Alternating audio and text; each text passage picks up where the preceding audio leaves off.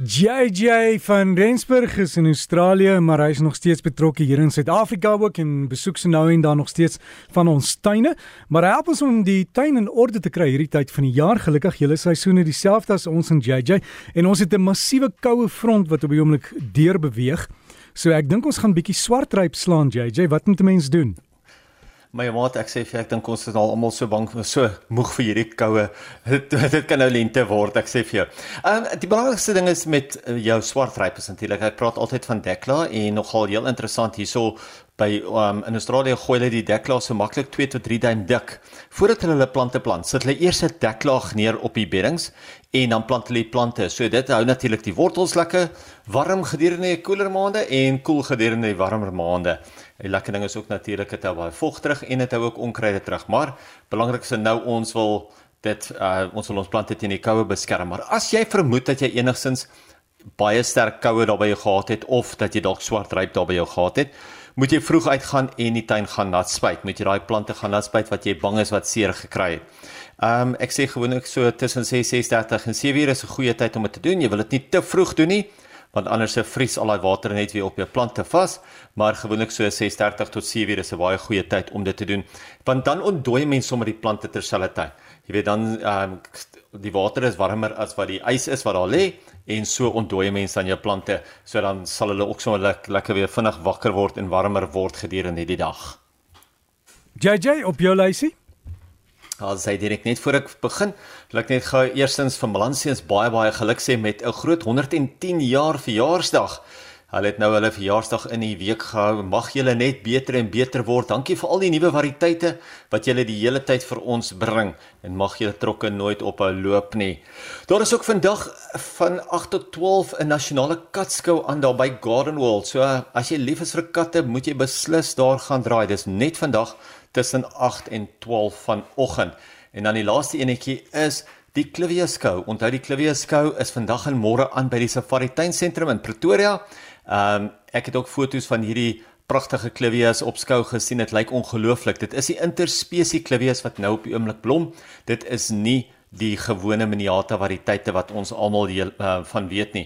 Dit is die interspesie variëteite. So sy blommetjies effens anders, maar wat lekker is as jy uh van hulle ook in jou tuin het, dan beteken dit jy gaan kleur, klivie kleur, boslelie kleur meer gedurende die jaar hê en nie net aan die begin van September einde Augustus soos wat hulle gewoonlik sou blom nie. Maar laasweek het ons gepraat van plante vir plant en die week kyk ons na plante in potte. Nou dis nie nodig om elke jaar jou potplante oor te plant nie. Dit is ook nie altyd nodig om hulle in groter potte oor te plant nie. Jy kan hulle weer in dieselfde potte terugplant. Wanneer moet 'n mens oorplant?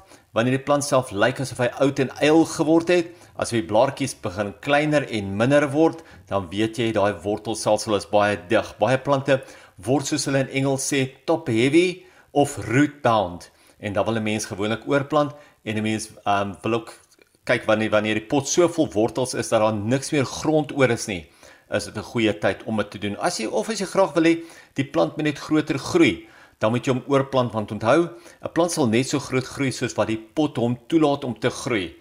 Kyk ook bietjie na die toestand van jou pot en maak ook um, besluit ook, is dit nou 'n goeie tyd om daai pot skoon te maak, oor te verf, reg te maak? Jy weet iets sê met daai pot te, te doen. Is dit die moeite werd om daai pot weer te gebruik? of gaan ek sommer 'n nuwe pot gebruik? As dit natuurlik net 'n laagie verf nodig het, gaan dit baie goedkoper wees as om die pot self te vervang en dan lyk dit sommer soos 'n splinter nuwe pot. Een van die groot redes ook vir oorplant is wanneer die dreinering nie meer voldoende is nie. Maar ek sal later in die uh, vanoggend se program bietjie daaroor praat. Kom ons kyk gou na die stappe. Eerste van alles moet jy begin om die plant self terug te sny om die balans weer eens tussen die wortels en die blare te kry. Dan moet jy die plant uithaal. Nou beste is hier om 'n graaf langs die kante van die pot in te steek en die wortelbal so los te kry. Party mense gaan staan en trek heeltyd aan die stingel en kyk of hom uit die pot uitgetrek kan kry en dan breek hulle eintlik al die wortels um, van die plant self af. So probeer eerder om 'n uh, graaf langs die uh, kante van die pot in te steek of selfs 'n vurk as jy moet en so kan jy die wortelbal van die plant dan loskry. As dit nodig is, kan jy selfs die pot op sy sy neer lê en die plant so uithaal. Onthou, as jy hom op sy sy neerlê, is dit eintlik baie makliker want dan is hy op 'n laer vlak en 'n mens stoei nie eintlik daar nog met gravitasie nie en dan kan 'n mens homself so 'n bietjie rondrol of oorskuif sodat jy hom stuk vir stuk so kan uithaal. Ek al ek gebruik altyd 'n handdoek om die wortelbal sodat ek die plant maklik weer kan optel nadat ek hom uitgehaal het.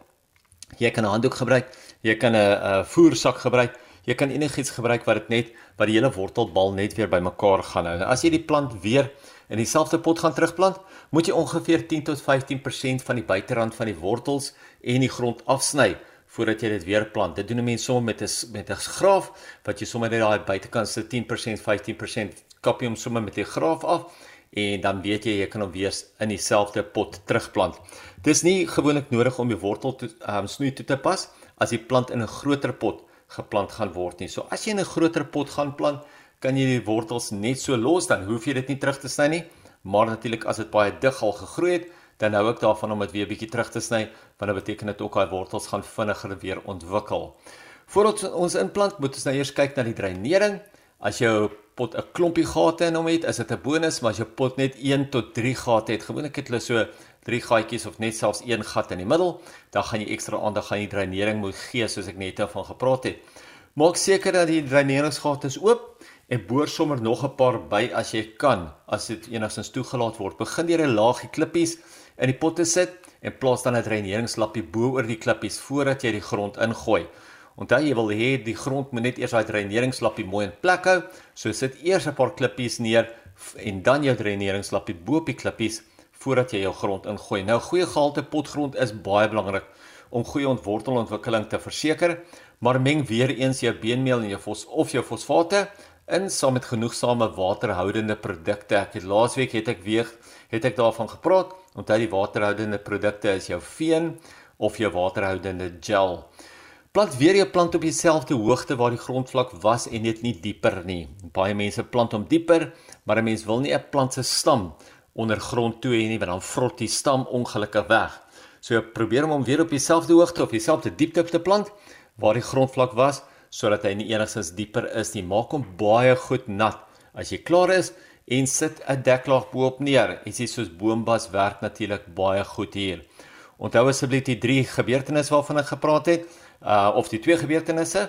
Dit is natuurlik die nasionale katskou vandag by Gardenwold van 8:00 tot 12:00. Dit is nou vanoggend en dan ook die Clivia skou vandag en môre by die uh, Safari tuinsentrum in Pretoria.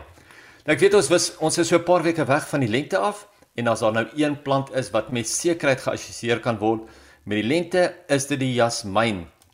En hier meer spesifiek die Chinese jasmyn, Jasminum polyanthemum.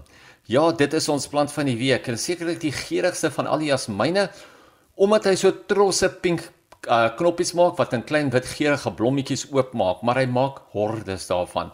Dit is ook die jasmyn wat as 'n mens hom langs aan 'n groot struktuur of langs aan 'n boom plant, dat hy fisies in daai struktuur stryk of daai boom gaan ingroei. Uh, en dan as hy blom dan kry jy sommer daai massa geur wat deurkom. Dit is 'n baie sterk rankplant wat die beste in volson groei. Hy's baie gehard en hy blom soos ek sê oorvloedig. Die plant kan maklik so 5 by 5 meter groot groei, maar daarom kan jy dit ook in 'n pot plant en jy kan die wortels klein hou of die plant self net gereeld terugsny om hom klein te hou. As jy die plant graag in die tuin wil plant uh, en jy wil hom klein hou, kan jy hom selfs in 'n plastiese pot plant en die hele pot wegberre in die grond dan kan jy die plant self 'n bietjie beheer of die grootte van die plant ook 'n bietjie beheer. Maak seker jy gee die plant 'n raamwerk om op te groei. Die ranker groei baie vinnig en hy klou nie self vas nie. So jy kan hom nie net teen 'n muur plant en dink hy gaan op die muur self vasklou nie. Hy het wel daai raamwerk nodig. Hy het 'n stut nodig. Gelukkig is dit 'n baie sterk groeier. Jammer, maar dit nie 'n beskadigende wortelstelsel nie. So sal nie mure of so skade aan doen nie. Hy sal nie sommer plaveisel oplig nie. Gaan vra 'n bietjie by die kweekry. Hulle behoort eintlik nou al in blom te wees in die kweekrye, want onthou hulle word maar in die warmer areas gekweek. Dis die Chinese jasmyn of die Jasminum polyanthemum. So gesels JJ van Rensburg en jy kan my jasmyn gaan kry. Hulle ruik heerlik en jy kan hom baie ver ry.